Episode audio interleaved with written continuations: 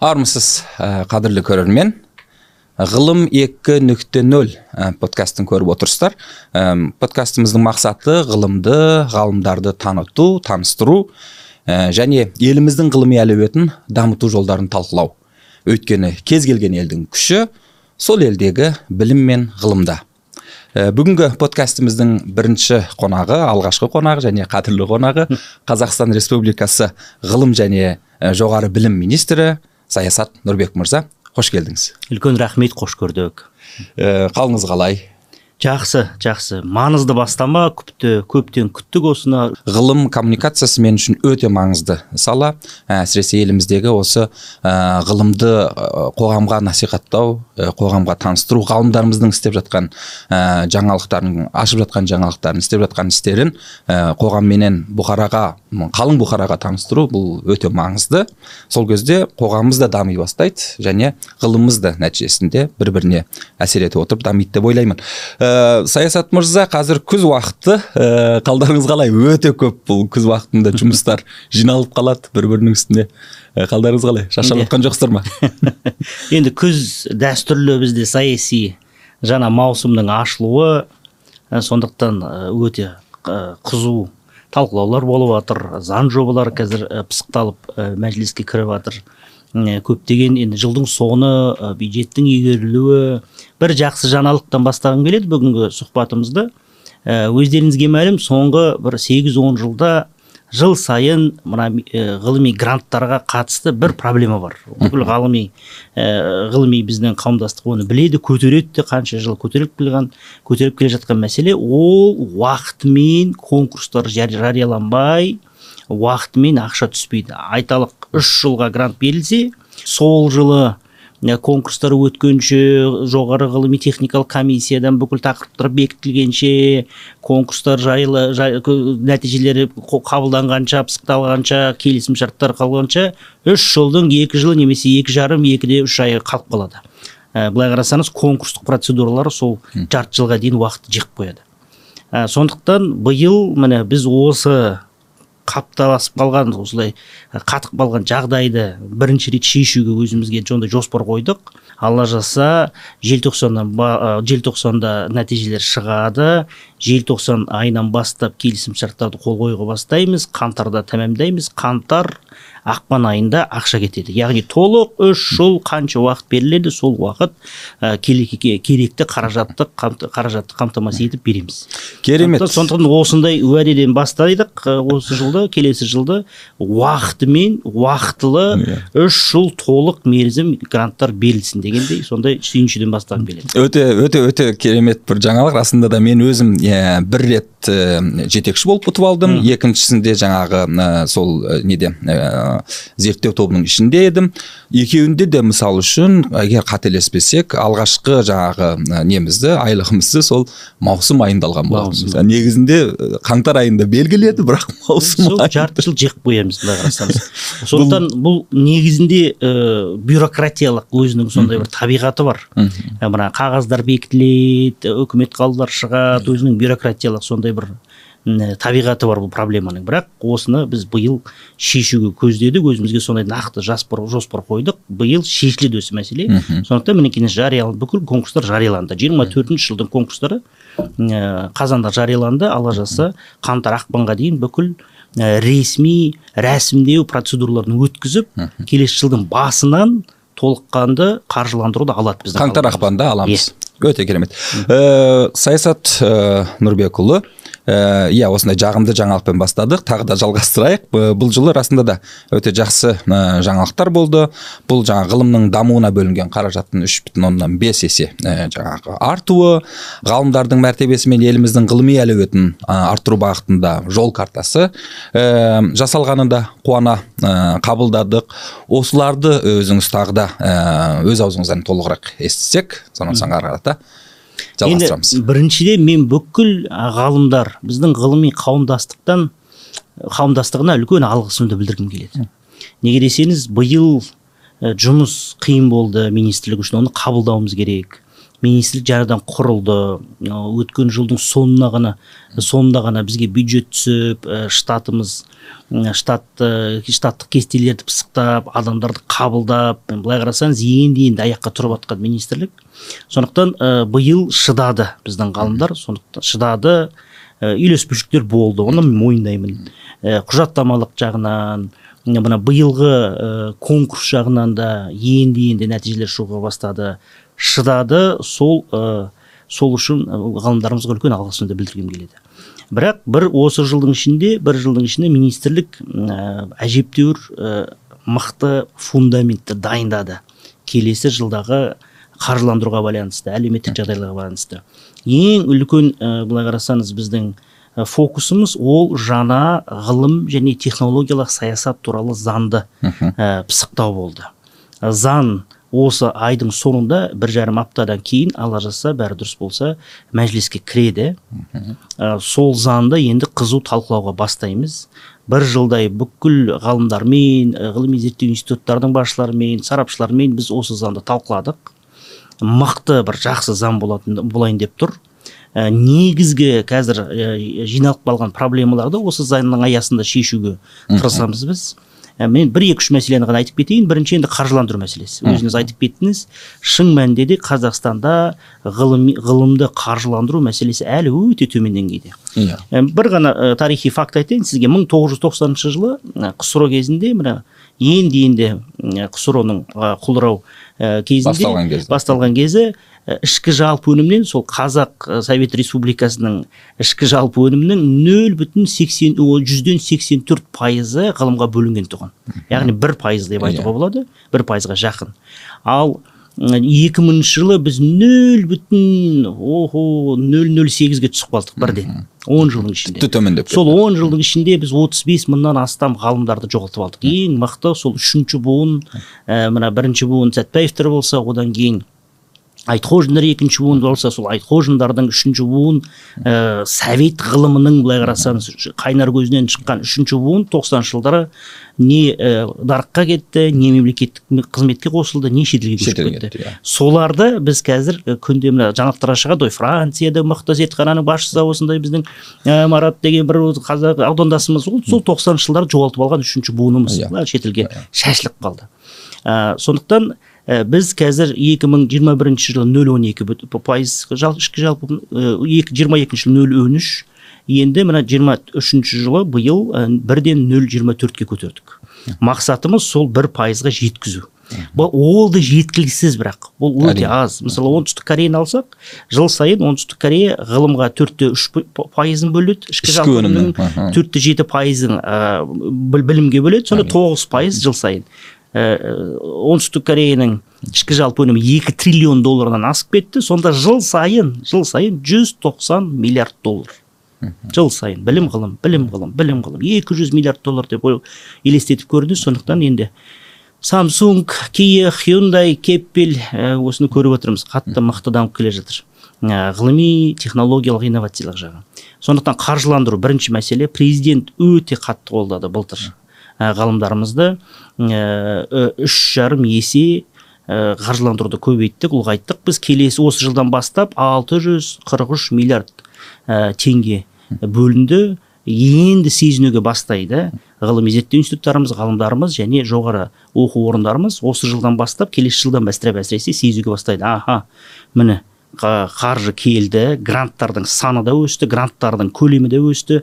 Коммерцияландыру гранттарды мысалы ә, өткен жылдары біз ә, осыдан бір бес жеті жыл бұрын жылын үш жылда бір рет қана жарияласақ конкурстарды коммерцияландыру гранттарды Иә. енді жыл сайын жарияланады. Биыл мысалы 17 миллиард теңгеге жарияладық біз. Ал бұрын үш жылдық бюджетке 5-7 миллиард көлемінде үш жылға. Енді жыл сайын міне 17 миллиардтан беріп тұрамыз біз. Енді алғашқы нәтижелерді шықты. Мен өзімен бір екі үш мысалдарды келтірдім. Оны мынау сосын коммерцияландыру барысында. сұхбат барысында осыны Иә. бір мен көрсетуге рұқсат берсеңіз. Әрине әрине. Ә, қазір тағы да бір маңызды нәрсе тағы да бір маңызды нәрсе.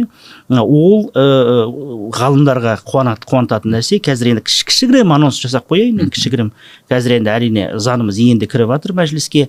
Ә, ғалымдардың әсіресе жас ғалымдарға әлеуметтік қорғау баспана Бұл өте маңызды, ғылыми иә. дәрежелерге ә, атақтарға берілетін қосалқы жалақы ә, денсаулық сақтау медициналық қызмет ә, сондықтан үлкен бір мықты пакет кіріп жатыр осы заңның ішінде.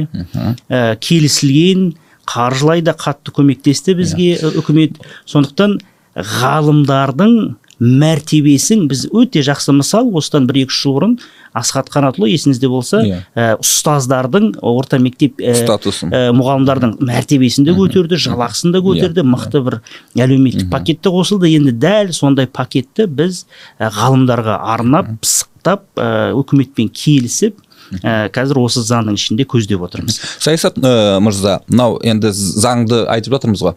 Енді осындай ә, өте жақсы бастадыңыз. Пункт пункт ә, айтып өтсек. Мысалы үшін ә, мына заңның мынандай ерекшелік келіп жатыр. Мынау бар мынау бар мынандай мынандай жаңалықтар болады деген сияқты. Енді заңның қандай жаңалықтары бар? Мен бір 5-6 негізгі пунктілер айтып Иә. кетейін. Былай оның ішінде бір 15-20 мықты жақсы механизмдер көзделген. Біріншісі ол ә, қазіргі таңда ә, коммерцияландыру ә, және қолданбары қолданбалы ғылымға өте үлкен жеңілдіктер беріледі. Ә, мысалы кез келген жекеменшік компания өндірістік компания ә, біздің ғылыми зерттеу институтымен немесе ғалыммен жеке ғалыммен немесе ғылыми бір ұжыммен немесе жоғары оқу орнымен бірігіп инновациялық ғылымға негізделген бір өнім шығаруға немесе біз өндіріс ашуға ә, бет бұрса онда ә, салық жеңілдіктері берілетін болады оларға. Яғни қарасаңыздар дүние жүзінде ғылымды қаржыландырып қаржыландырудың қайнар көзі мемлекет емес жекеменшік компаниялар. иә иә. Мысалы ә, оңтүстік корея израиль финляндия ақш тың өзінде кемінде бір жетпіс сексен пайызы ғылыми ә, инновациялық ә, инвестициялардың ол жекеменшік компаниялар. Google bmw samsung ә, кеппель амазон фейсбук мета ең үлкен ә, ғылыми инвестициялар жасайтын инновация технологиялық инвестиция жасайтын үлкен компаниялар иә бізде керісінше әлі үкіметке қарап отырмыз. Қазақстанда 72 пайызға жуық қаржыландыру бізден келеді. Біздің министрліктен келеді басқа салалық министрліктерден келеді. Сондықтан бірінші үлкен механизм ғылымға инновацияларға технологияларға жекеменшік секторды тарту. Мхм. Яғни бұл жұмысты біз тек қана өз күшімізбен мемлекеттің күшімізбен ешқашан жүзеге асыра алмаймыз. Иә. Мақсатымыз біздің компанияларымызды өндірістік әсіресе ә, тау кен болсын ә, энергетика саласы болсын мұнай газ саласы болсын олардың ә, кірістері мол олар өте мықты бай компаниялар. Бірақ ғылыми тұрғыдан былай қарасаңыз өздерінің ә, қосалқы өндірістік ғылымға негізделген күрделілігін әлі өкінішке орай көп инвестиция салмайды олар. Сондықтан осы механизмді жүйелі түрде біз бүкіл халықаралық тәжірибені қарап шықтық.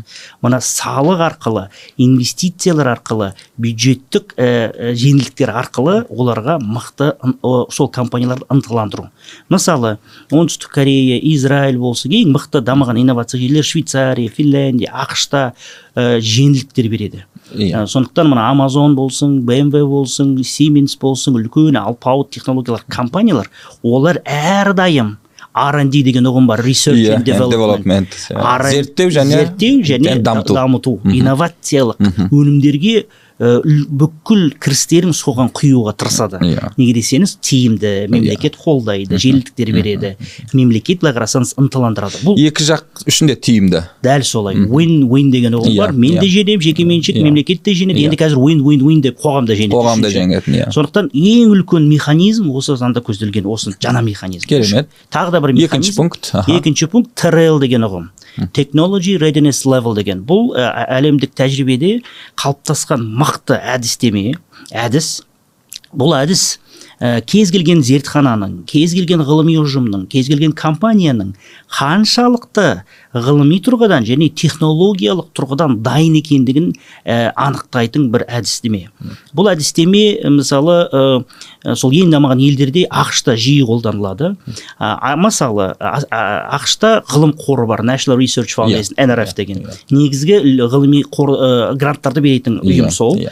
ол осы әдістемені жақсы қолданады. Аха мен осы грантты мысалы айталық өте қолданбалы жоғары деңгейлі бір зерттеуді беруге ақшаны беруге дайынмын грантты. Бірақ зертхана айталық бір зертхана сол грантқа тапсырғысы келеді.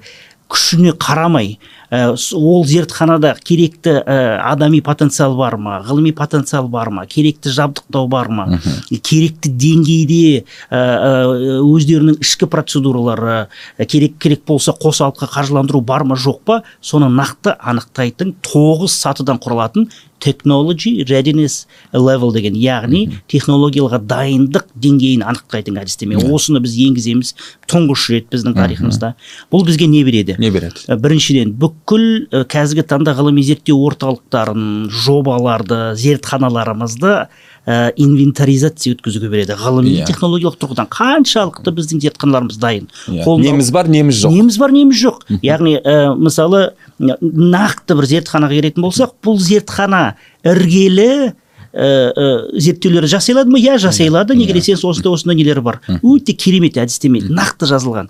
Аха қолданбалы зерттеулер жасалады жоқ жасай алмайды неге десеңіз мынауы жоқ мынауы жоқ керекті ғалым- ғалымдары жоқ керекті жабдықтары жоқ ә, зерт құралдары жоқ. Ал инновация немесе бір кішігірім инновациялық өндірісті жасауға дайын ба? Ә, дайын не дайын емес. Яғни әр сатыда біздің берілген гранттарымызды беруге көмектеседі. Ә, және де ең бастысы жекеменшік секторға өндірістік компанияларға а мен мына ғылыми зерттеу институтымен жұмыс істей аламын неге десеңіз менің берген тапсырмаға technology readiness level айқындап береді Инфраструктурасы бар, иә мына мына зертхана мына ғылыми зерттеу институты сіздің берген тапсырмаңызға сіздің берген міндеттемеңізге дайын әлеуеті бар жүзеге асырылады толыққанды. Иә. осы әдістемені біз қазір бүкіл жүйемізге ақырындап енгізуге бастаймыз.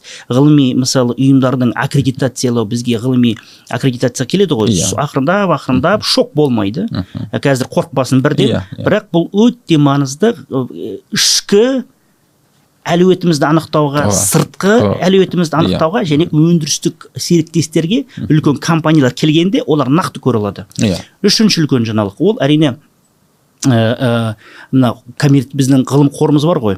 Ғылым қоры қазіргі таңда э, коммерцияландыру жобаларымен айналысады.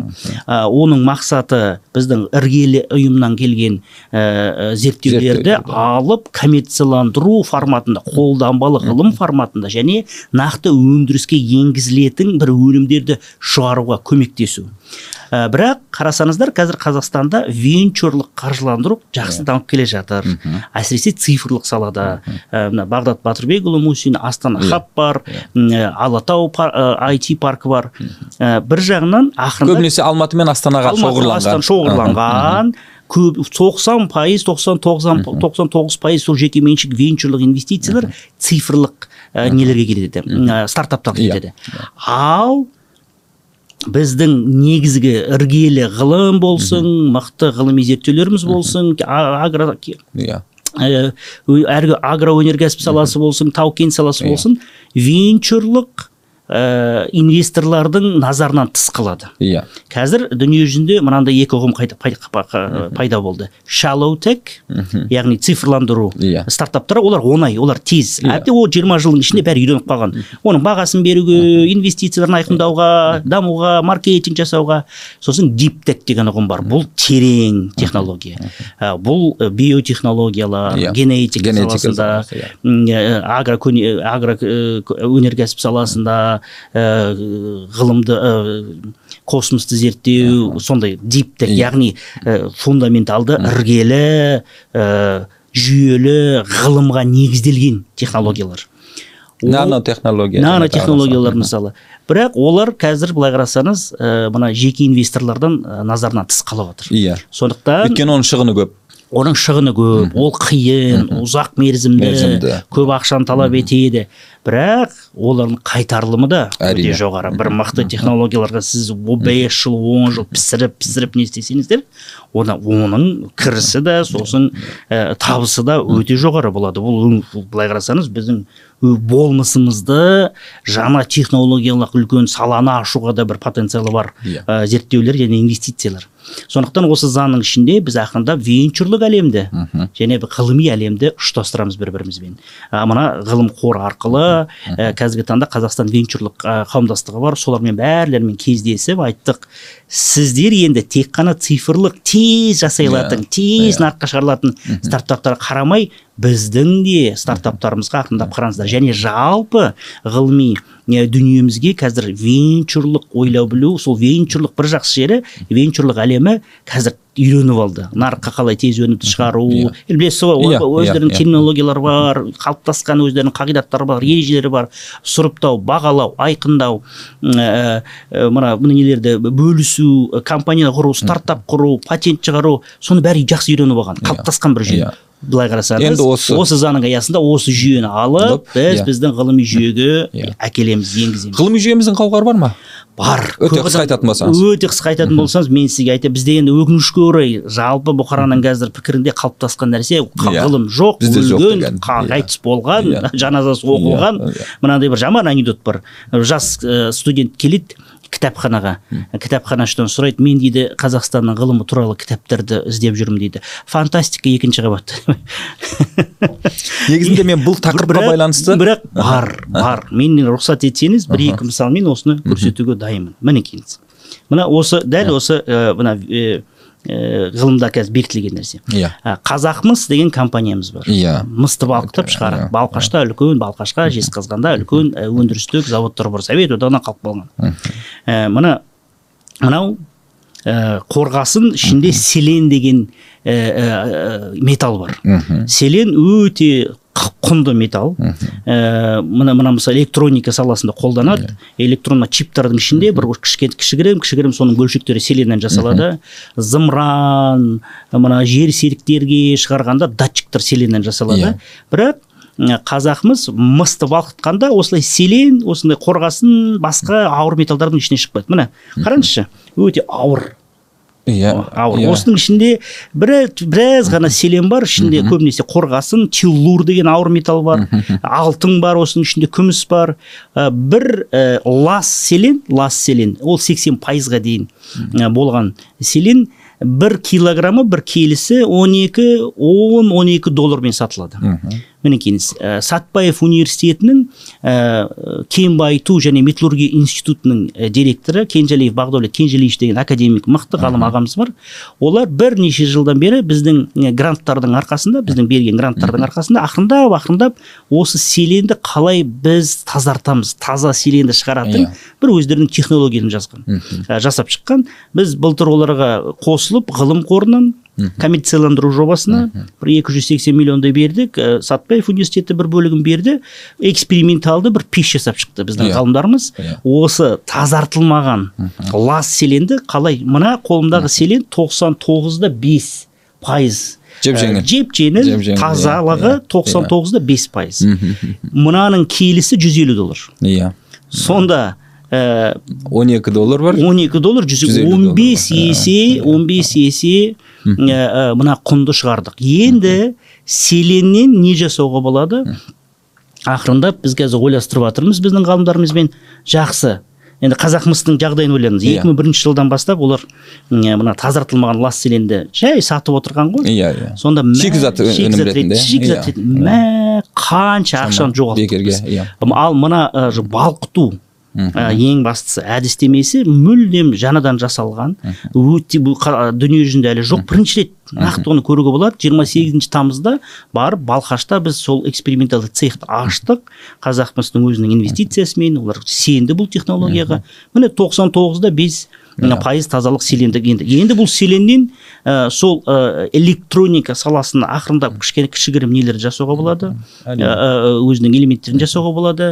Ә, сол ә, медицина саласына ең үлкен тұтынушы селеннің ксерикс деген компания. Иә кез келген ана ә, фотокопия. фотокопия жасайтын машинаның ішінде ана барабандарды пленкасын селеннен жасайды екен. Ана селеновый пленка дейді. Иә сонда қазіргі таңда мінекейіңіз бір кішігірім коммерцияландыру грантымен және біздің ғалымдарымызды іргелі мықты жасап жатқан қолданбалы зерттеулерден тек қана фокусын ауыстыру. Иә. аға ә, әріптестеріміз иә мықты керемет мінекей том том жасалған патенттелген мақала шығарылған технология енді бір қадам жасайықшы осыны Иә. бір қадам жасайықшы Өндіріске- өндіріске Иә, осыны ұсынайық. Иә. өндіріс енді сенуге бастады. Мә Иә, иә, енді бізге қандай тапсырма беріп жатыр қазақымыз айтады три девятки дейді оны енді таза тоқсан тоғыз да тоғыз пайыздық шығарып берсеңіздер онда оны оның құны да Иә, табысы да сонда ойлап көрсеңіз кіп кішігірім осы экспериментальды цех ә, ә, бір алпыс тонна ә, шығарады осы тазартылған селенді. Бір кішігірім осындай цех. Ә, бір оны қазір жүз тоннаға да шығаруға болады. Қазір кастингті селені осылай жай бай продукт дейді осылай Иә, неден өндірістен шыққан нәрсені. Ә, бір он миллион доллар таза табыс жылына кіп кішкентай цех сондықтан ғылым бар иә бұл нанотехнологиялар болмауы мүмкін Иә. бірақ мінекейіңіз осы бір қадамға ғалымдардың өздері сенуге бастады о біз ақша таба алады екенбіз біздің жасап жатқан күнделікті зерттеулеріміз өндіріске керек екен компанияларға керек екен оның үстіне олар бізге ақша да төлеуге дайын. Хозрасчет деген бәле бар ғой. Тағы да бір мысал. Қарағанда техникалық университеті сағынов атындағы. Ә, былтыр осы біздің коммерцияландыру грантының ә, бір мықты бұрыннан олар жасап келген бір зерттеу болған. Ол мына антикоррозиялық коррозияға қарсы мына тот басқан қарсы бір суспензия шығарған. Иә. Ә, мінекейіңіз міне тот басқан бір не? Иә металл. Металл. Ә, бұл суспензияның қандай ерекшелігі бар? Қазіргі таңда мына антикоррозиялық материалдарды қолдану үшін мына кез келген металлды тазартуыңыз керек. Сосын ананың үстіне сол краскілейді антикоррозиялық ана материал жасайды. Сосын оны жоғары температурамен термообработка жасайды. Яғни оны былай қарасаңыз балқытады ананың ішіне қалыптық не істеп қа- жабысып кету үшін өте күрделі және қымбат процесс. Иә. мына суспензияны тек қана былай тез не істей саласыз өзі сіңіп кетеді ананың ішіне кіріп кетеді. Неге десеңіз нанотехнологиялар қолданады осы жерде. Ә, қазіргі таңда екі тәулікке бір күнде 200 литр шығаратын бір кішігірім нені жасап қойдық цехты жасап қойдық. Сол біздің технолог- технологиялық университеттің негізінде ә, бір ақ жылдың ішінде 700-800 миллион бір миллиардқа жуық ақша тауып отыр қазір. Неге неге десеңіз қарағандыда металл, металл, металл жасайтын металлоконструкция жасайтын компаниялар көп. Бірден қызықты олар. Иә, мә әрине, онда мынаны балқытпау керек жоқ термообработка керек жоқ осыны аламыз да краска секілді краска иә, селесін болды. суспензия. Суспензия дәл солай. Сондықтан мінекейіңіз ә, университет бір ақ жылдың ішінде бір миллиард таза қазір ақша тауып отыр. Үшінші үлкен жаңалық Иә. осы заңда. Енді біз ауыртпашылықты негізгі зерттеулерді ғылыми зерттеу жұмыстарын ақырындап жоғары оқу орындарға жүктейміз.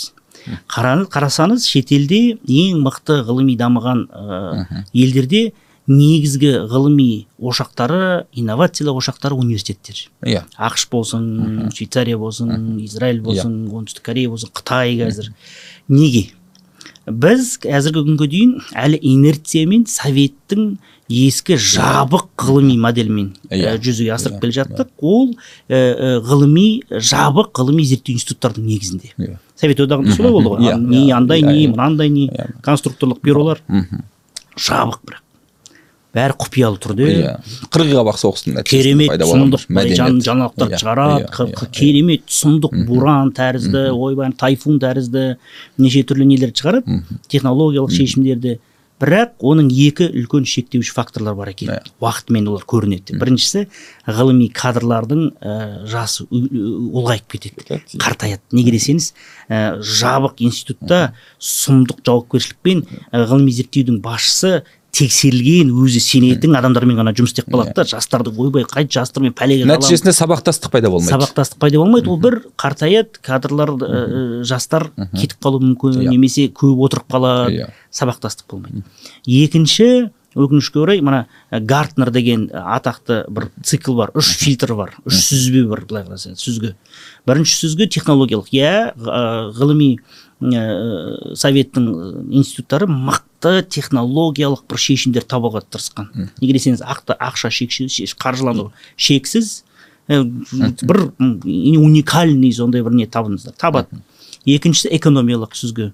А, бұл жерден мысалы ол қаншалықты қымбат оны осымен шығару иә? осы жерде өкінішке орай өте қымбат шешімдер. Сондықтан мысалы буранды шығарды. Иә ана неге спейс шаттл ғой шаттл Иә, иә, бірақ бір дана ғана шықты. Неге неге десең соншалықты қымбат Қымбат. соншалықты уникальный бір нәрсе өте қымбат. Бірақ ең үлкен сүзгі үшінші әлеуметтік сүзгі қаншалықты осы ғылыми технологиялық шешімді өнімді миллиондаған адамдар күнделікті өмірлеріне қолдана алады. Былай қарасаңыз бізде иә көрсетеді осындай уникальный нәрсе уникальный нәрсе уникальный нәрсе. Бірақ ә, неге барған жоқ қой ол? Ә, нарыққа шыққан жоқ. Ә, тұтынушыға жеткен жоқ. Біз қол, күнделікті қолданылатын нәрселер өте аз совет ғылымынан шыққан. А, ал керісінше мысалы ақш ақштың моделін алсаңыз болса ақшта ауыртпашылық негізгі ғылыми ошақтар университеттер. Неге десеңіз жоғары оқу орындарының екі үлкен артықшылықтары бар. Біріншісі жыл сайын мықты көзі ашық мотивацияға толы жас адамдар келеді. Сол ә, екіншіден ә, ғылыми ә, тұрғыдан алғанда эксперимент жасауға қате жасауға керемет платформа.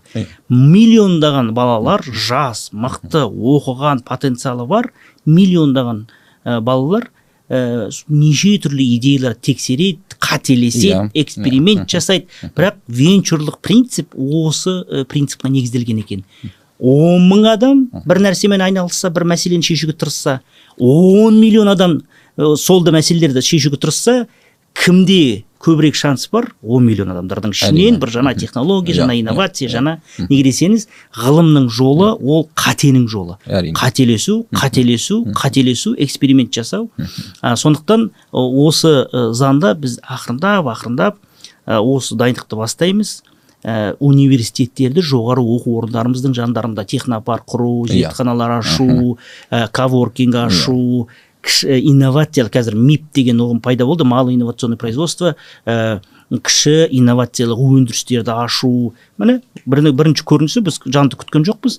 Мына қарағанды техникалық университетінің жанында сатпаев университетінің жанында ақырында осындай цехтар ашылып жатыр Иә. мысалы сатпаев университетінің жанында үлкен өздерінің бес мың ә, шаршы метрлік бұрыннан ә, бір ана алматы бірдің спасский деген ана неде қаланың сыртында ә, құрылған, Базалар бар. құрылған эксперименталды металлургиялық өндірістік үлкен бір базасы бар. Иә. Ол бірақ 80 жылдардан қалып қалып қалған қаржыландыру жоқ былай та- талқылау былай быт болып кеткен де. Енді ақырындап осы заңның аясында сондай платформаларларды сондай инновациялық өндірістерді жандандыруға инвестициялар шақ- шақырып инвестициялар инвесторлар тартуға жүйелі тұрғыдан мүмкіндік болады. Жақсы. Иә көп көп. Рахмет. Осылайша жаңағы заң жобасын бізге де жақсы түсіндірдіңіз. Ал енді мысалы үшін аккредитация дедіңіз ә, сонан кейін жаңағы ә, та- тағы да бірнеше пункттерді айттыңыз. Әм, әсіресе аккредитация біраз маған не болды. Жаңағы ә, аккредитация деген кезде бір қағазбастылық болмайды ғой иә? Өйткені бізде ә, елімізде білесіз осындай жаңағы аккредитация және ә, лицензирование болған кезде көбінесе жаңағы бір қағазбастылыққа кетіп қалады. Ондай ә, ондайдың алдын алатындай бір механизм қалыптастыра алдыңыздар ма иә ол да заңның ішінде бар. Ә, цифрландыру. Бізде құтқаратын тек қана цифрландыру. Сондықтан ә, осы жылдың басынан бастап ә, министрлік қазір ә, экспертиза процедураларын ә, ғылыми технологиялық экспертизаны. Сосын ә, бүкіл ә, біздің мына ғылыми ақпараттарды мақалаларды ә, цитатларды сосын ә, мына аккредитация процесін ә, сертификациялау процестерін қазір ә, үлкен екі платформа жасап жатыр. Бірінші платформа бірінші платформа ол ә, мына ә, біртұтас ғылыми цифрлық платформамыз. Ол біздің ұлттық ә, мемлекеттік ғылыми технологиялық экспертиза орталығының негізінде болады. Ол жерде кез келген ғылым ғалым кез келген ғылыми ұйым кіріп бір жерден көре алады. А осындай гранттар жарияланып жатыр осындай гранттарды ұтып жатыр бүкіл ашық процесс болады. Транспарентті. Иә мына ұлттық біздің сараптама кеңестеріміздің берген ба- бағалары бәрі бір жерде көрінеді. Екіншісі ол президенттің тапсырмасымен қазір ұлттық ғылыми технологиялық ақпарат орталығы құрылады. Заңның ішінде жазылған нақты оның бүкіл құзыреттілігі. Бұрын есіңізде болса ә, совет кезінде үлкен ә, рнцти деген үлкен бір ғылыми орталық болған иә. Кез келген мақала кез келген аннотация бәрі сол базаның ішіне жиналады. Енді шетелде скопус Иә, веб оф сайенс иә. жекеменшік секторда шыққан. Иә. олар қатты дамып кеткен. Енді бірақ ә, совет ғылымы ол өз өзімен жабық бір жүйе болды ғой. Иә. Ә, сол орта сондай орталық бір үлкен база болған тұғын. Мына біздің аға буын біледі бір мысалы мақала шығады сол неге жазады? Ә, ә, ол маған аннотацияны осындай беріңіздер олар сосын келеді хатпен келеді оған оқиды ана мақаланы. Қазір бәрі әрине цифрландырылған. Енді біз сол жүйені қазір пысықтап ана скопус веб ұштастырамыз кіреміз. Сонда әр ғыл- ғылымның ғалымның өзінің профилі болады. Ә, не шығарылады қандай не жасалады жалпы қандай мақалалар шықты. Ә, ол мақалалар қай жерде жарияланды бүкіл бір жерден көруге болады. Дерекқор базасы дерекқор базасы және жоқ ол үлкен орталық сондай бір бір жерде бүкіл ғылымға қатысты технологияға қатысты. Ә, деректер бір жерде жиналады. Ол орталықты біз келесі жылы құрамыз.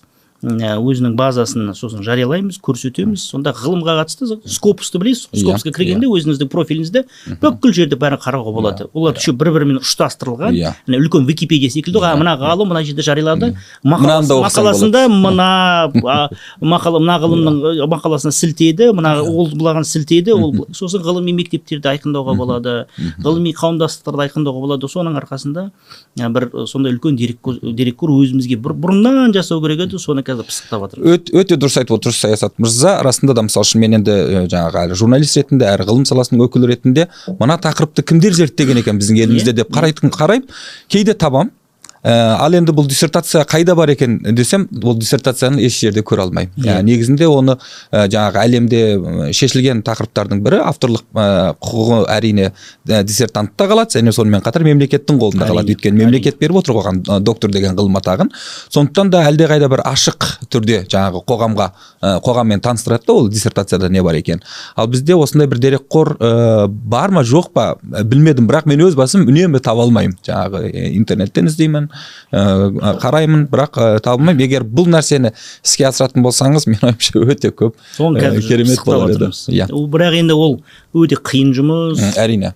Қаражат Иә, талап етеді. иә, иә. ең бастысы мықты IT мамандарды қазір біз арнайы жұмылдыру керек. осы біздің орталықпен ұлттық орталықпен жұмыс істеп соны жаңағы пысықтап жатырмыз қазір. Жаңа сіз айтып отырған жаңағы ағаш дейді ғой ә, бірден екіншіге екіншіден Дәл үшіншіге дәл оны жасау өте қиын. Десек те сіздерге сәттілік тілейміз. Ә, ашығын айтайықшы ә, саясат мырза. Қоғамымызда ғалым болу бұрынғыдай сәнді емес иә. Ә, осы бастамалардан кейін ә, ғалым деген мәртебелі ат қайтадан тұғырына қонып жаңағы жастарымыз ә, ғылым жолына түсуге бет алады деп ә, ойлайсыз ба?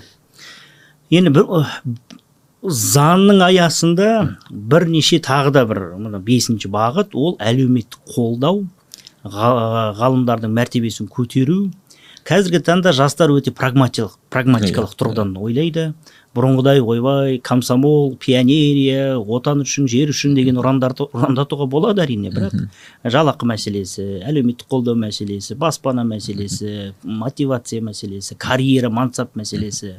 Ол да жалпы қоғамдағы өзіңіз айтып кеткендей ғалымдардың ғалымдарға деген пікір иә қалыптасқан оның бәрі әсер етеді. Ә, біз енді бір үш бағытта жұмыс жасап жатырмыз біріншісі әлеуметтік қаржыландыру ә, қаржыландыру және әлеуметтік қолдау. Ә, заңның аясында және осы былтырдан бастап біз жалақыларды көтеруге бастадық. Иә. Ә, мысалы өткен ә, өткен жылдың қан, ә, қыркүйегінен бастап 1700 жетекші ғалымдарымызға 70 пайызға бірден көтердік жалақыны. Ә, қазіргі таңда осы ғылыми жобалардың арқасында мықты зерттеу ә, ұлттық университеттерде қазір кафедра меңгерушілері мықты ғалымдар бір жарым миллион екі миллионға дейін жетіп жатыр жалақылары неге десеңіз негізгі жалақысы бар үстінен ана ғылыми гранттары бар, гранттары бар иә, солардың жобалары бар. жобалары бар. Ә, әсіресе жас ғалымдарды. Біздің мақсатымыз қазір негізгі бірінші бағыттың мақсаты жастарды ғылымға тарту және бастаған алғаш қадамдарына қатты қолдау ә, олар сосын ә, кішкене енді сүйектері ә, қатып ғылымда қалдыру оларды. Иә.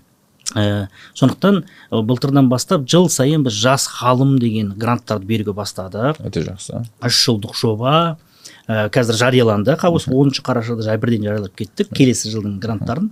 Енді жыл а, келесі жылдың алдын ала жариялаймыз біз. Иә. қаңтардан бастап ақшасын алуға 500 мың теңге айлығы бар. Осы грантты ұтып алған жас ғалымның Иә. үш жылда оның өзінің жалақысы Иә, бар. иә. Соған қосымша соған қосымша ретінде. 500 мың теңге айлығы. Неге десеңіз біздің мақсатымыз осы үш жылда аяққа тұрып ә, мақалаларын жазып Зерттеуін жасап. зерттеулерін жасап өзінің ғылыми базасын пысықтауға мүмкіндік беру. Иә. ол ана неге жү- жү- жүгірмей ипотекаға жүгірмей неге жүгірмей? Тағы да осы бірінші бағыттың ішінде мына жас ғалымдарға осы кеше ғана біз әм, отбасы банкімен арнайы ә, же- жеңілдетілген ә, несие алуға бір келісім шарт қой қойдық. Биыл жүзге жуық жас ғалымдарымызға ә, мүмкіндік береміз. Баспана мәселесін шешуге. Ә, бұл ә, 35 жасқа дейін жас ғалымдарымызға баспанасы болмаған.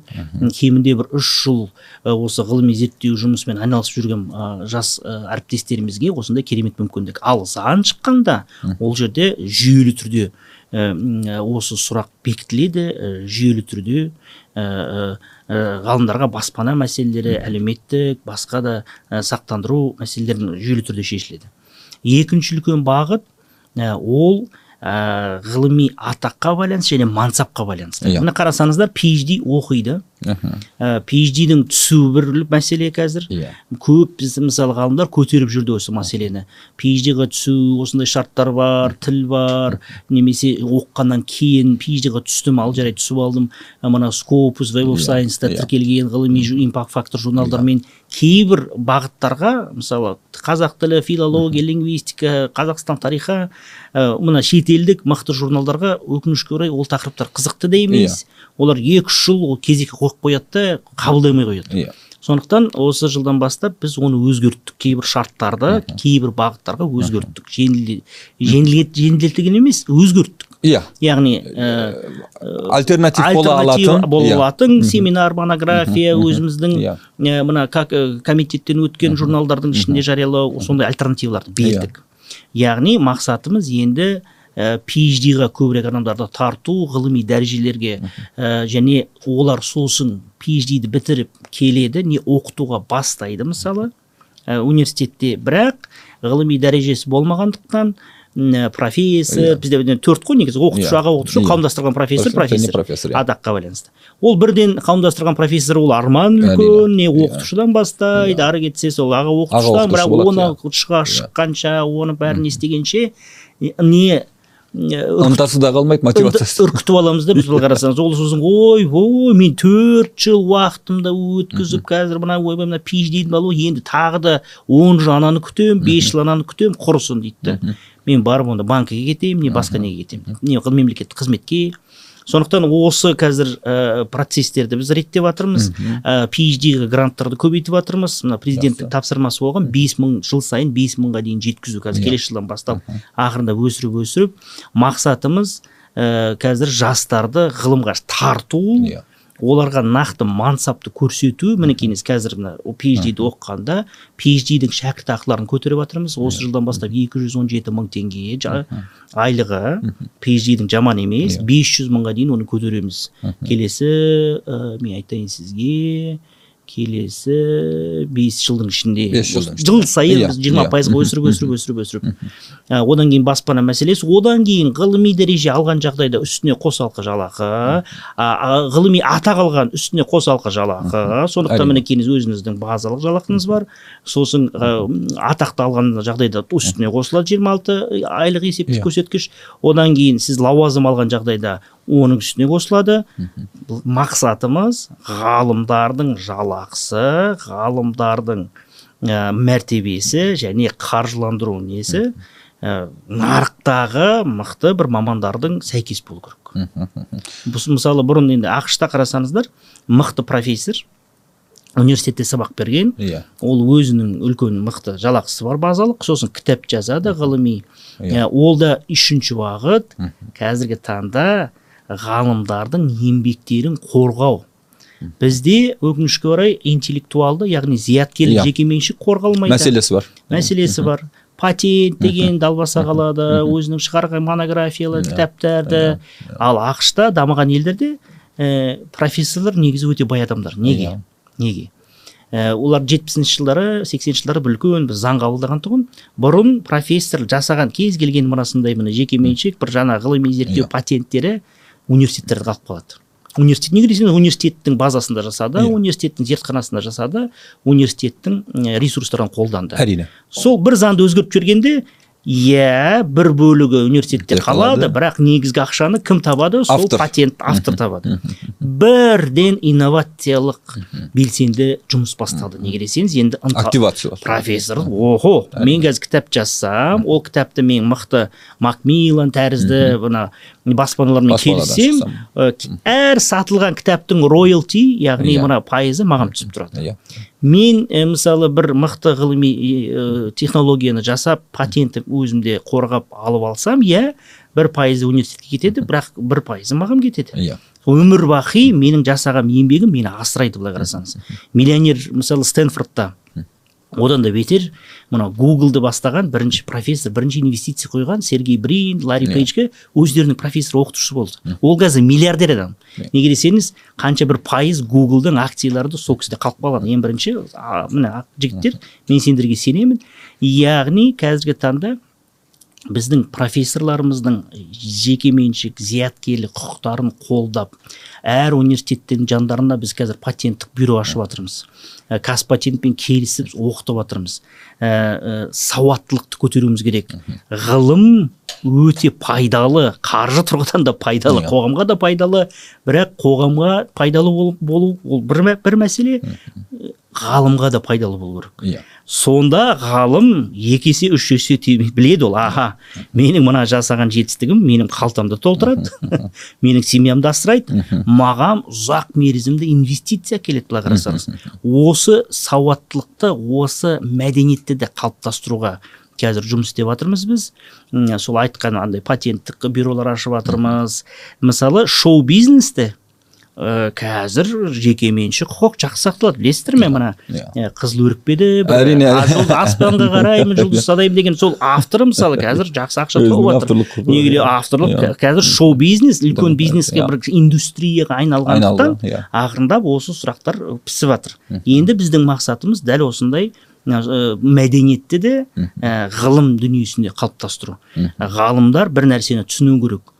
Сіз бізді сіздердің еңбектеріңіз босқа кетпейді ешқашанда. А, шын мәнінде де а бірақ жауапкершілік.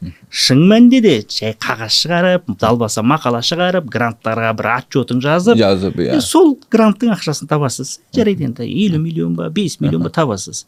Ал шын мәнінде отырып таңертеңнен кешке дейін лабораторияда ана американдық киноларда қандай мықты популяризация иә. ғылымда Ғылымды, таңертең иә, кешке дейін отырып тамақ ішпей Иә. не істемей сол бәрін сол ғылым ғылым ғылым бір өнім табу бір жаңалық табу.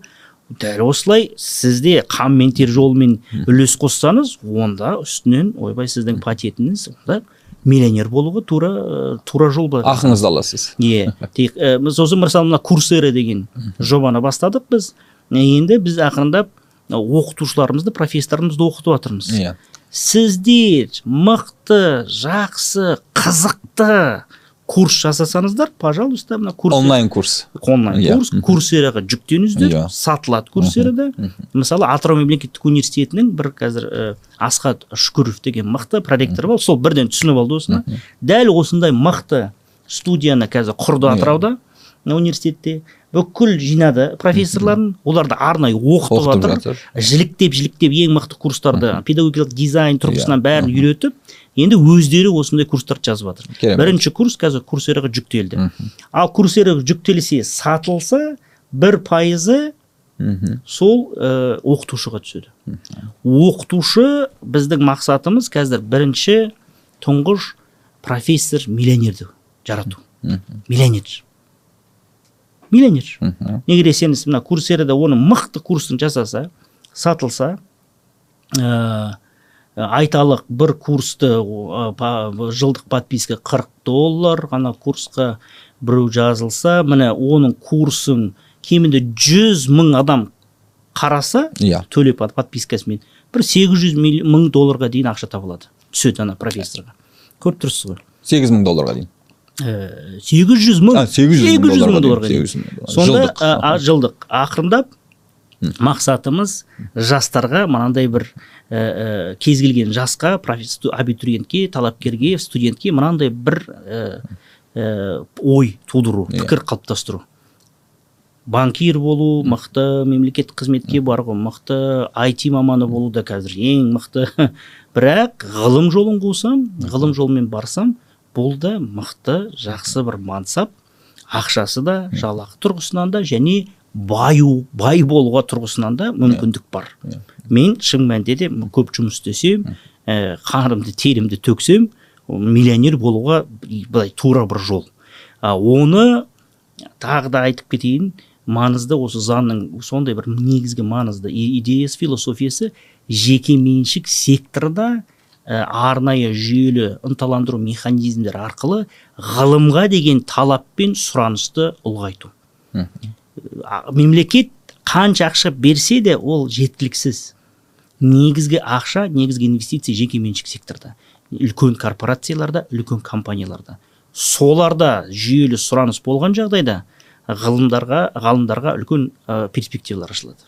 Иә әрине өз өзін жаңағы ә, асырай алатын өз өзін қаржыландыра алатын бір механизмді қалыптастыра алсақ бірақ ол бәсекеге циклді қалыптастыра алсақ іргелі ә, ғылымды іргелі институттарды біз қаржыландырамыз. Ол Иә. біздің міндетіміз Иә. бұл мемлекеттің міндеті.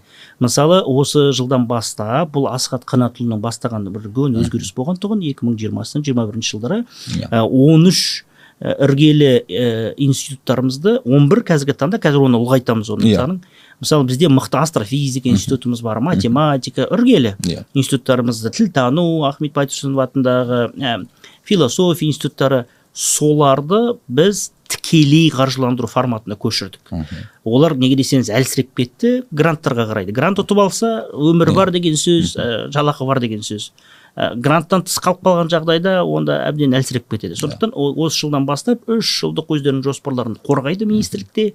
Үш жыл басы қатпай ауырмай өзінің сол ғылыми жұмыстарымен іргелі фундаменталды Иә. айналыса береді.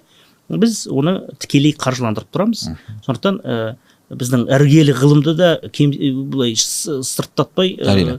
әлсіретпей ұстап тұруымыз керек. Мықты бар бізде. Бағыттарымыз математика комбинаторика тау кен бірнеше осындай мықты бағыттарымыз бар. Соларды біз сақтап қалуға жандандыруға күшейтуге бұл мемлекеттің міндеті ол жағынан ғалымдар ә, қатты қорықпасын. Уайымдамасын ойбай қазір бәрі қолданбалы болып кетті коммерцияландыру болып кетті ал іргелі ғалымды кім ойлайды дегендей. Иә, иә, ол иә, иә. мемлекеттің міндеті. Әрине. ол заңда да қазір нақты көрсетілген. Оны ешқашан ұмытпауымыз керек. Ұмытпауымыз керек ол Иә, өзімізбен біз жұмыс істей береміз иә. Ә, саясат мырза сонымен қатар ә, жаңағы университет оқытушысы ретінде бір байқаған нәрсем бұл жаңағы оқулықтардың жетіспеушілігі. Ә, тапшылығы бар. Ә, мынау оқулық жазу ә, ісі ол өте қиын іс. Өйткені сіз оқулық жазған кезде бұл сала бойынша барлық тақырыпты өте жақсы білу керексіз. Яғни жақсы ғалым болу керексіз. Және сонымен қатар бұл саланы өте ә, студентке қолжетімді тілде түсіндіріп жаңағы тесттерін сұрақтарын дегендей өте негізінде өте қиын бір ә, сала оқулық жазу. Десек те осы оқулық жазуға талпындыратын ә, бір жобалар бар ма? Ойланып жатырсыздар ма? Мысалы үшін министрлік тұрғысынан қандай да бір тіпті бәлкім грант деген сияқты. Яғни Иә. Тек қана оқулық жазуға бағытталған. Ә, маңызды мәселе. Неге десеңіз шын мәнінде де қазір сапалы оқулықтар жалпы кітаптар жетіспейді. Бізде бірнеше үлкен бастамалар болған естеріңізге ә, естеріңізде болса мына жүз оқулық деген жобасы Иә, ең иә, мықты иә. ә, ғылымға қатысты ғылыми ә, сол оқулықтарды кітаптарды қазақ тіліне аудару бүкіл кітапханаларға жабдықталған жіберілген. Бірақ бұл жұмыс тоқтамау керек ешқашан да бір нәрсе байқағанымыз өкінішке орай қазір кітаптарды аз оқиды. Біздің жастарымыз жалпы кітапханаларда қазір барады оқиды бірақ көбінесе онлайн. Ә, тұтынады қазір контентті мазмұнды. Сондықтан біз үш нәрсе үш бір екі үш бағытпен қазір жұмыс істеп келе жатырмыз. Біріншісі иә осы мықты ғылыми ә, кітаптарды тағы да пысықтап оларды ә, сатып алу университеттерге беру жеткізу ә, қазақшаға аудару маңызды бірақ менің бұл жеке пікірім Иә. м, қазір министрлікке қатысты емес Иә. ағылшын тілді меңгеруіміз керек. Иә. Неге десеңіз ә, бір ғана мысал келтірейін. Генри киссинджердің 2021 жылдың соңында ә, жасанды интеллект деген бір мықты кітап шықты. Генри киссинджер шмидт ә, анау кімнің ә, ең мықты үш осы саладағы керемет бір кітап. Мен өзім бірден тауып оқыдым. Бірақ мен ағылшынша оқыдым. Мен бірінші оқыдым оны. Иә. сосын бүкіл біздің ректорларға жібердім ол кітапты. Бірақ қашан жібердім? Жиырма екінші жылдың соңында ғана жібердім неге неге десеңіз альпина паблишер оны орыс тіліне бір жылдан кейін ғана аударып ана зияткерлік құқықтарын келіскенше не істегенше аударғанша мен өзіміздің ректорларыма әріптестеріме жиырма екінші жылдың соңында ғана жібердім бір жыл бір жылдың ішінде қазір білесіздер қандай тез өзгереді? Өзгерістің акселерациясы жылдамдығы қазір өте жоғары. Міне бір жыл міне бір жылға ғана толды чат gpt шыққаны бір жылдың ішінде бәрі төңкеріп төңкеріп тастады. Төңкеріс болды үлкен төңкеріс болды. Сондықтан ағылшын біздің мақсатымыз қазір ә, көбірек ағылшын тілін үйрету. Ә, университеттерде. Көп елдерде мысалы жоғары білім жалпы ағылшын тілінде малайзия елінде болса ә, жоғары оқу орындарында ағылшын тілінде оқытады кәдімгідей. Шыққанда ә, түлектер бәрі ағылшын тілін жақсы меңгерген. Ә, біз қазір бірнеше компаниялармен бірігіп ә, оқытып жатырмыз Иә. ә, и тағы да бір бағыт ол сол ә, курсера тәрізді үлкен мықты компаниялармен бірігіп ә, олардың контенттерін ең мықты курстарын қазақ тіліне аудару, аудару, иә. және сол базаларға сол курстарға толыққанды ә, ә, қолжетімділік беру. Ә, пилоттық жобаны бастадық биыл. Міне алты айға толды сол пилоттық жоба. Ә, біз наурыз айында бастадық. Ә, сол бес ай алты ақ айдың ішінде ә, жүз мыңнан астам ә, онлайн курс өтті. Ә, сағат өтті Иә, біздің жиырма мың оқушыға пилоттық жобада жиырма бес университеттерге бердік қолжетімділікті. Отыз сегіз мың сертификат қазір. Алды біздің 38 студенттер мың. отыз сегіз мың сертификат алды. бір жылдың ішінде. Жоқ жарты жылдың жарты жылдың ішінде. Соған сенбей джефф маджанкальда курсераның басшысы келді қазақстанға мамыр айында. Өз көзімен мынау қалай неге болып талап өте жоғары онда. 15 жаңағы сұраныс өте жоғары. сұраныс өте жоғары. Енді біз курсерамен келісіп келесі жылдан бастап осы жылдан бас а жоқ келесі жылдан бастап кешірім сұраймын қазір пилот жобасы бітеді Ә, енді бүкіл университеттерге бергіміз келеді осы қолжетімдікті яғни мінекейіңіз өздеріңіздің электив ә, курстарыңыз бар сонымен қатар университетке берген электив курстары сонымен қатар міне курсерадағы он бір мың жүз екі жүз ең мықты университеттердің курстарын бірдей ә, оқуға болады мақсатымыз енді ақырындап екінші этапта біздің оқытушыларымызды осы курсера Иә, тәрізді иә, контент иә, жасауға бағыттау. Ол оңайырақ. Әрине. Неге десеңіз кітап жазу қазіргі таңда білесіздер ол үлкен еңбек. Оны көп оқытушылар профессорлар жасай алмайды. Бірақ мықты курс жасауға ондай мүмкіндіктер бар, бар. көбінде. Иә, иә, иә. осы кішкене ынталандырып бірақ енді қазір ана аудиовизуал кезең ғой сол үшін де оған бейім болып келеді. Өкінішке орай. Бұл Иә. жалпы өте қауіпті үрдіс. Әрине қазір бізде жазба ә, ә, мәдениеті ә, әлсіреп келе жатыр. міне қарасаңыздар қазақстанда имейл мәдениеті қалыптасқан жоқ. Иә. біз бір бірімізге имейл жазамыз. Білеміз ғой шетелдік профессорлармен Иә, имейл жазыңыз дейді. Де қайдағы имейл? Ватсап жоқ па? Олар ватсап қолданбайды біз уже үйреніп қалдық. Ватсаппен Иә, тез тез тез иә, иә. Соның өзіне қарасаңыздар бұқарада даже ватсаппен де жазбайды ғой. Қазір не бәрі?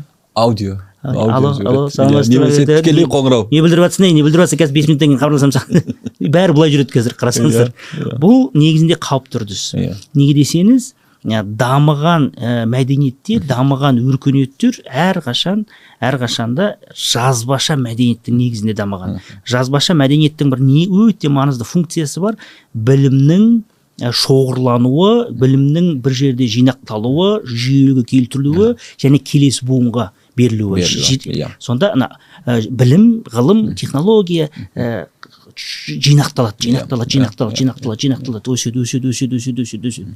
Көрдіңіз ба ә, сондықтан негізінде мына кітап оқытуды және ә, жазуды жазба мәдениетті біз қайтаруымыз керек. Өте бұл өте маңызды Иә. ә, ә, ә, ә, бағыт.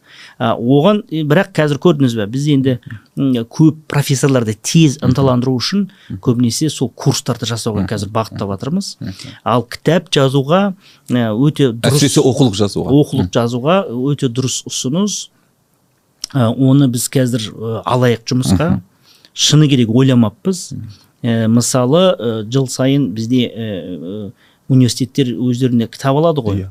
Ә, сол ә, мемле- тапсырыс- тапсырысқа ең оңай жолы Иә. ынталандырудың әрине ол сол тапсырысты қалыптастыру. Онда профессорлар біледі аха мен бір мықты оқулық жазсам сол оқулықты жақсылап қабылдаса онда көбірек университеттер сол оқулықтан тапсырыс береді жыл сайын. Өте керемет болар еді. Онда маған да ә, тағы да көрдіңіз бе нарықтық экономикасының қағидаты сол. Иә иә. Сұраныс пен тапсырыс. Тапсырыс. Сұранысты ә, ә, мен онда мен пай, маған пайда тисе онда көбірек уақытымды сол кітап жазуға Иә. оқулық жазуға арнаймын деген оны да бір тағы да менің бір нәрсені енді қазір көз жеткенім ә, бір жүйелі механизм жасалмаған жағдайда әрине. ә, проблема шешілмейді. Шешілмейді. Сондықтан мен тағы да бір үлкен өтінішім бар осы подкастты қолданып біздің ғылыми қауымдастығымызға иә министрлік кейбір жағдайларда ә, тез шешім немесе тез бір нәтиже бере алмайды сіздерге. Бірақ Әрине. менің міндетім менің жауапкершілігім министр ретінде кабинет мүшесі ретінде ол ұзақ мерзімді шешімдерді пысықтыру. Пысықтау. Пысықтау. Ә, ұзақ мерзімді жүйелі шешімдерді енгізуге тырысу. Сондықтан сәл шыдаңыздаршы. Қазір міне осы жылдың ішінде мен керек болса популизмге ұрынып қазір ой ананы Иә. істеп жатырық ой мынаны қатырдық ананы қатырдық мынаны істедік. Оны тез жасау. Шын мәнінде де ол маған да оңай болушы еді. Шын Иә. өте оңай болушы еді. Бірақ мен өз жауапкершілігімді толыққанды сезінемін. Сондықтан мен ғалымдарымызға әріптестерімізге үлкен сондай бір өтініш деп айтуға болады. Сәл сабыр сақтап біздің мына осы жасап жатқан жүйелі механизмдерді түсініп қолдануымыз керек. Неге десеңіз ғылым бірдей бірден нәтиже бермейді ешқашан да. Ғылым сіз ақшаны құясыз инвестицияны құясыз құясыз құясыз күтесіз бір, бір екі үш жылдан кейін сосын енді енді міне бір жылдың нәтижесі бірақ бұл бір жылдың нәтижесінің арқасында ә, бір жылдық коммерцияландыру гранттың ішінде емес оның алдында алты жеті жылдық пцф екі гранты бар сол екі үш жылдық гранттарды пысықтап пысықтап теориялық базасын бәрін жасақтағанда ғана біз бір жыл былтыр келгенде коммерцияландыру грантымыз бергенде бірден шықты ма нәтижеге нәтиже шықты. Иә. бірақ көрдіңіз ба ол бір жылдың нәтижесі емес ол сол кемінде жеті алты жылдың нәтижесі. Иә, сондықтан сәл сабыр сақтап бізді қолдасаңыздар мен осындай сұхбаттар арқылы қазір мына осы мықты мықты ғалымдарымызды шығарып көрсетіп олардың ғылыми ізденіс жолдарын олардың қаншалықты қиыншылықтан өткендердің технологиялық шешімдердің ғылыми проблемалардың шешкендерін көрсету арқылы біз осындай жаңа ғылыми инновациялық мәдениет қалыптастырамыз деген бір үміттеміз. Мен де солай деп сондықтан өзіңізге де үлкен жауапкершілік. Әрине. Осы подкасттың жүргізуші ретінде мына ғалымдарымыздың еңбек қан мен тер жолын көрсете білу көрсете білуіміз керек. Олардың м, э, проблемаларын көрсете білуіміз керек. Аха қай жерде министрлік шешіп жатыр қай жерде шешпей жатыр қай жерде көзі жетпей жатыр. Бұл біз үшін де өте маңызды бір подкаст цикл болады. Біз өзіміздің заңнамалық ә, ә, шектеулерімізді ә, ұйымдастырушы шектеулерімізді қаржыландыру әлсіз нүктелерімізді осындай подкасттар арқылы түсінуіміз керек. Әрине. Ашып пікірталас көрсет- талдау арқылы ашып иә. көрсете білуіміз керек. Иә, сондықтан ең бастысы осы биыл шыдады ғылыми қауымдастық. Ол үлкен кредит бізге үлкен сенім деп білеміз. Сондықтан сол сенімді ақтауға тырысамыз біз. Иә соңғы сұрағым ә, нұр ә, саясат мырза. Мынау елімізде мысалы үшін әсіресе дамыған елдердің ә, өте жақсы университеттерінің жаңа филиалдары да ашылып жатыр. Біздің университеттерменен бір жаңа коллаборацияға отырып дегендей. Сонымен қатар мысалы үшін осы түркияда мысалы үшін тек қана университеттер емес факультеттер жаңағы коллабора- коллаборацияға отырып жаңағы бірге отырып жұмыс істепті. Мысалы үшін истанбул айдын университеті нью йорк университетінің артур л. Картер журналистика институтымен бірге жұмыс істеп жатыр. Біздің елімізде де мысалы үшін қазір университеттер содан кейін жаңағы факультеттер тіпті кафедралар арасында осындай бір коллаборация жасауға ә, заңдық негіздер ә, бар ма? Ә, заңдық шектеу жоқ әр- әрине. Бірақ қаржылай және ресурстық шектеу бар. Неге десеңіз ақш тың басқа дамыған елдердің университеттеріне қарасаңыздар олар үлкен университеттер Иә. бай университеттер. Иә, өте бай. Әр мектеп ә, қазір бізде деканат дейміз ғой ме- факультет дейміз ғой факультеті бар немесе департмент дейді Иә. біздің кафедраларымыз Кафедралар, олар олардың бюджеттері Иә. біздің үлкен өңірлік университеттермен тең болуға немесе асып кетеді. Бір ғана мысал келтірейін сіздерге. Райс университеті деген университет бар. Кішігірім зерттеу университеті техаста техастағы ол а, э, өте м, атақты тарихта кеннеди келіп we choose to go to the moon деген біз Иә. э, айға барамыз деген атақты сондай бір несі болған өзінің э, э, сө- сөйлеген сөзі болды сол райс иә. университетінде сөйлеген э, стадионда бәрін жинап болды біз э, ақш ғылым жолымен инновация жолымен және э, э, мына космосты игеру жолымен барады деген ана гагариннан кейін айтқан сондай бір үлкен э, сөзі болған. Сол райс университетінде. Райс университетінің жылдық зерттеу бюджеті яғни э, э, э, э, зерттеу гранттардың арқасында жинап алған 100 миллион доллардан. Жылдық бюджет. Иә. 100 миллион доллар. Бір кішкентай университет. Бізде осы мына э, үлкен э, бюджеттік мына алты жүз қырық үш миллиард осы жылдан ғана басталды. Иә. мысалы былтыр алдыңғы жылдарғы бюджеттің бүкіл ғылымға деген қазақстан республикасының ғылымға деген бөлінген бюджеті сол жүз жүз мың доллар жүз миллион доллардың көлемінде. Иә. сонда ақштың бір жекеменшік зерттеуші университетінің жылдық ғылыми бюджеті бүкіл қазақстанның э, ғылыми бюджетімен тең. Тең иә. Осыны бір түсінуіміз керек көп адамдар. Яғни ғылым деген өте қымбат нәрсе. Әрине. Өте үлкен қаражат талап етеді. Ә, және мына оңтүстік кореяны айтып қойдым ғой жыл сайын 190 миллиард доллар оларда тек қана ғылым мен білімге бөлінеді. Ә, сондықтан біздің кафедраларымыз университеттердің өзі әлі толыққанды ресурстар өте аз бізде. Кафедралардың өзі тек қана жалақы қарап отырады. Иә. кафедраның шығ яғни бостандық осындай ә, автономия басқа бір кафедрамен сөйлесуге қарым қатынас құруға ә, бірлескен зерттеулер жүргізуге ресурс керек. Ә, зертханалар керек инфрақұрылым керек адамдар керек. Ал біздің кафедралар әлі өкінішке орай бұл оны мойындауымыз керек Иә. әлсіз. Сондықтан біздің қазір мақсатымыз ол жоғары білімге ғылымға ақша тарту. Ақша тарту ол тек заңнамалық тұрғыдан тағы да бір маңызды заңды шығарамыз. Оны енді әлі жариялаған жоқпыз. Эндаумент қорлар туралы заң. Шынайы бәсекелестік шынайы тәуелсіздік қаржы тәуелсіздігінен басталады. Ғой Әрине, біз баламыз біз қалай ересек деп қалай есептейміз? Онда ата анамыздан ақшаны сұрамай өзіміз Иә, жұмысқа өзі тұрып енді кезде. енді мен өз ақшамды өзім табамын деген сөз. Қазір біздің жоғары оқу орындарымыз толыққанды қаржыландыруды университет көбінесе мемлекеттік тапсырыс бізден алады. Иә. Қарасаңыздар ең үлкен мықты университеттердің өздері толыққанды мемлекеттік бюджетке тәуелді. Иә. неге десеңіз ақша қаржы қайнар көзі ақша қаржыландыру ол бізден келеді. Иә. Тоқсан пайыз бәрі бізден келеді. Ә, эндаумент қорлар заңнамада бар ондай ұғым бірақ біз арнайы заң дайындап жатырмыз. Бөлек заң эндаумент қор дегеніміз не оған филантропист басқа бұны жаны ашитын Қандай жеңілдіктер болады? қандай жеңілдіктер болады? Ынталандыру тағы да ынталандыру яғни ә, мысалы ә, мына гарвард стэнфорд MIT оларда миллиардтаған эндаумент қорлары бар. Бұл қорды қалай олар қолданады? Университетті дамытуға зертханалар ашуға инфрақұрылымды дамытуға ұлғайтуға мықты жұлдызды профессорларды тартуға ә, өз студенттеріне ә, венчурлық тұрғыдан стартаптарына қаржыландырып беруге олар сонда үлкен өндірістік инновациялық бір хабқа айналады. Иә. неге десеңіз ақша бар қаржы бар ішкі дамуына үлкен қор жас- жасақталған. Сол ә, заңды біз алла жазса келесі жылы шығарып қабылдап тағы да мына мәжіліс депутаттарының жанашырлары бар көп ішінде ғылымға қатысты біздің ғылыми қауымдастық қолдау керек министрлікті осы заң өте маңызды. Ә, университеттерге қосымша ақша тартуға инвестиция тартуға спонсорлармен жүйелі түрде жұмыс істеуге ә, мемлекет бюджетінен тыс қаржымен жүйелі түрде жұмыс істеуге мүмкіндік ашады осы заң.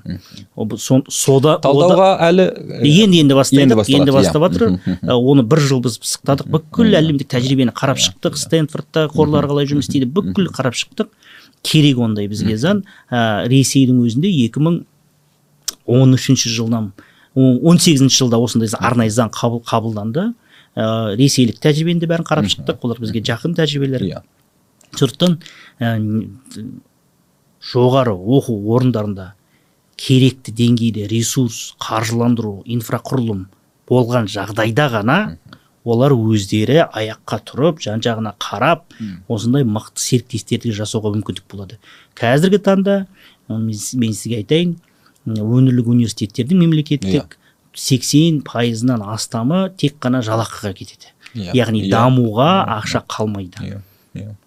Нәтижесінде ә, ә, ә, проблемалар туындайды. Сондықтан да ол проблемалар жою үшін расында да жаңағы ғалымдарымыздың әсіресе мынау өзін өзін қаржыландыру қалай іске асады сол механизмдерді өте жақсы түсіне алса және соған қарай еңбек етсе оңтайлы шешімдер шығуы мүмкін дейсіз. Иә ә, саясат мырза жаңа ә, өте жақсы нәрсе айттыңыз. Мысалы үшін ә, тіл үйрену тіл білу да? Ә, неге? Өйткені тіл дегеніміз білім білім дегеніміз күш. Бұл жайында ә, расында да жаңағы ә, ақыл айта алатын тұлғасыз өйткені полиглотсыз. Ә, қазақстанда бәлкім танымал полиглоттардың бірісіз.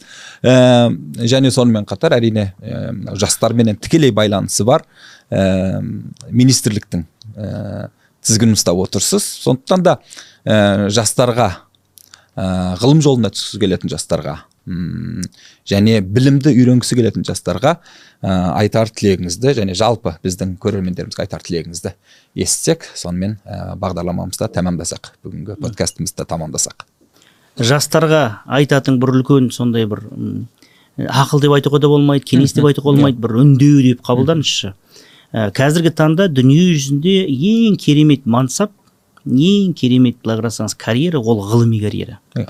мына қарасаңыздар илон масктан бастап бәрі сол ғылым технология инновация жолында жүрген адамдар.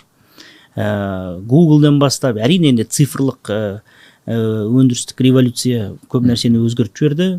Ә, ең көп ақша табатындар да солар ең әйгілі тұлғалар да солар. Ә, билл гейтстен бастап ә, әлем ә, саясатына да, да кейде экономикасына да кейде мемлекеттерден де тереңірек әсер ете алатын адамдар инноваторлар Иә. ғалымдар ғалымдар мына жақында кристофер ноланның өте керемет бір киносы шықты оппенхаймер деген роберт Иә. оппенгеймер Иә, иә. мына атом бомбасын шығарған адам сонда қараңызшы ақштың үкіметі қырық үшінші жылы бомбаны жасау үшін кімге келді беркли университетінің екі кафедра меңгерушілеріне келді.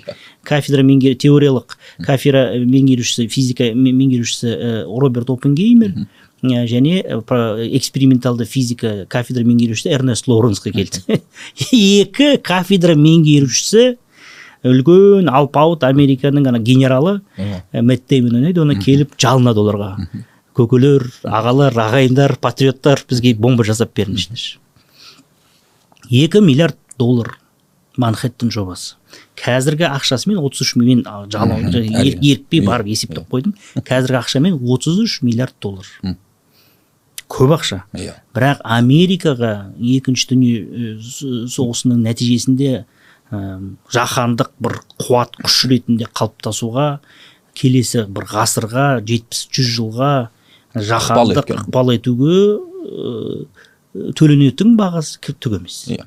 Сондықтан ғылымның жолы қазіргі таңда өз еліңізге ә, тарихта қалу үшін өз еліңізге көмектесу үшін өз ә, мемлекетіңіздің бәсекеге қабілеттігін арттыру үшін ең қысқа жолы ғылым жолы. Иә қазіргі таңда ғалымдардың ғылымның жалпы былай қарасаңыз имиджі да жалпы жалпы қалыптасқан пікірі да сондай ә, жағымды емес деп айтуға болады. Ойбай бұлар бейшаралар ақшалар да таппай жүреді бір өздерінің бір түсініксіз Ә- әлемде. айналысқа да әлемге қарасаңыздар ешқандай қатысы да жоқ былай қарасаңыз. Бизнеске де қатысы жоқ бір үлкен ойбай ә, жаңалық естідік па қазақстанның ғылымның шығарған анау өте анекдоттан бастадым ғой. Иә, фантастика үшінші қабатта дегендей.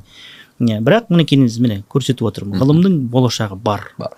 Әсіресе қазіргі таңда президентіміз ғылымға деген назары ғылымға деген басымдылығы өте жоғары. Мына министрліктің құрылғаны ұлттық академияның жаңадан мәртебесі берілуі президент жанындағы ұлттық ғылым және технология кеңесінің құрылуы қазір президент әкімшілігінде арнайы көмекшінің пайда болуы ғылым және инновациялар.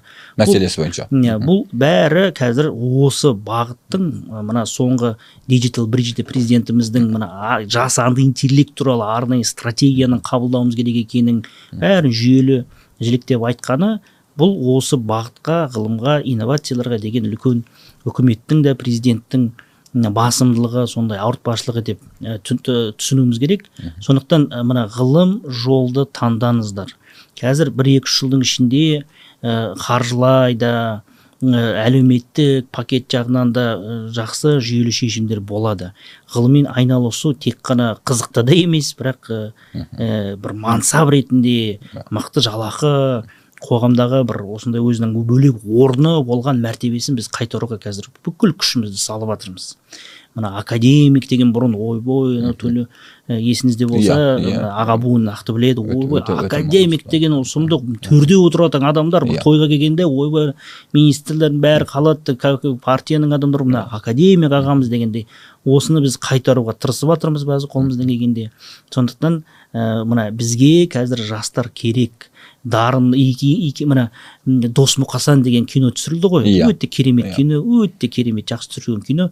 Сонда бір сол сахнаны мен ә, кесіп алып бүкіл ректорларға жібердім соны қаратқыздым.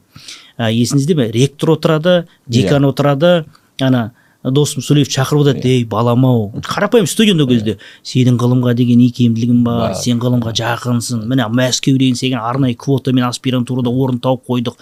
Сен бар музыканы таста.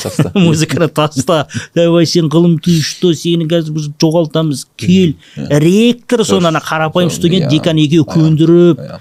Жалынып кәдімгідей отыр. Сондықтан мен сіздерге жалынамын. Мінекей ғылымның қадірін білген адам ғой ректор. неге десеңіз ол ғылымның қадірін бір екіншіден ол сол кезде жүйелі сондай саясат болғандығын сондықтан мен міне министр ретінде сіздерге жалынып отырмын. Соған досым сөйлеев секілді. Иә. Ғылыммен ғылымға жақын болсаңыздар ғылыммен қызықсаңыздар келіңіздер ғылым саласына оқытушы болыңыздар ғылыми зерттеу институттарға келіңіздер. Ә, жобаларға қатысыңыздар. Бұл өте маңызды мансап. Ә, былай қарасаңыздар мына қазір ақштың пропагандасы өте мықты ғой. Кез келген киноның бас кейіпкері кім? Ғалымдар. Тони старктан Иә, бастап бәрі физиктер ғалымдар астрофизиктер. Ойбай бір астероид ұшып келе жатыр кімді шақырады? Президент ә, фантастикалық фильмде де фильмдердің негізгі кейіпкерлері әрқашан сол әшки киген иә, бір иә. ғалым сол құтқарады дүниені құтқаратын ғалымдар. Иә. қазіргі экономикалық экологиялық құрды былай шиеленіп қалған әлеуметтік э, проблемаларды шеше алатын тек қана ғалымдар. Ғылымның арқасында ғана біз тірі қаламыз ғылымның арқасында ғана қазақстан дамиды. Сондықтан осыны бір осындай жеке үлкен өтінішім ретінде қабылдаңыздар. Рахмет ә, құрметті көрермен. Ә, біз бүгін қазақстан республикасы ғылым және жоғары ә, білім министрі саясат нұрбек мырзаменен жүздестік ә, қазақстандағы ғылымның дамуы қалай дамып жатыр даму үшін не істеуіміз керек деген сияқты өте маңызды сұрақтарға жауап алдық ә, қадірмен ә, саясат мырза сізге көп көп рахмет бүгін уақыт тауып келгендеріңіз үшін келгеніңіз үшін және ә, еңбектеріңізге табыс тілейміз құрметті көрермен қазақ ғылымын бірге дамытайық. Э, ғылым екі нүкте э, нөл э, студиясында қайта жүздескенше сау сәлемет болайық.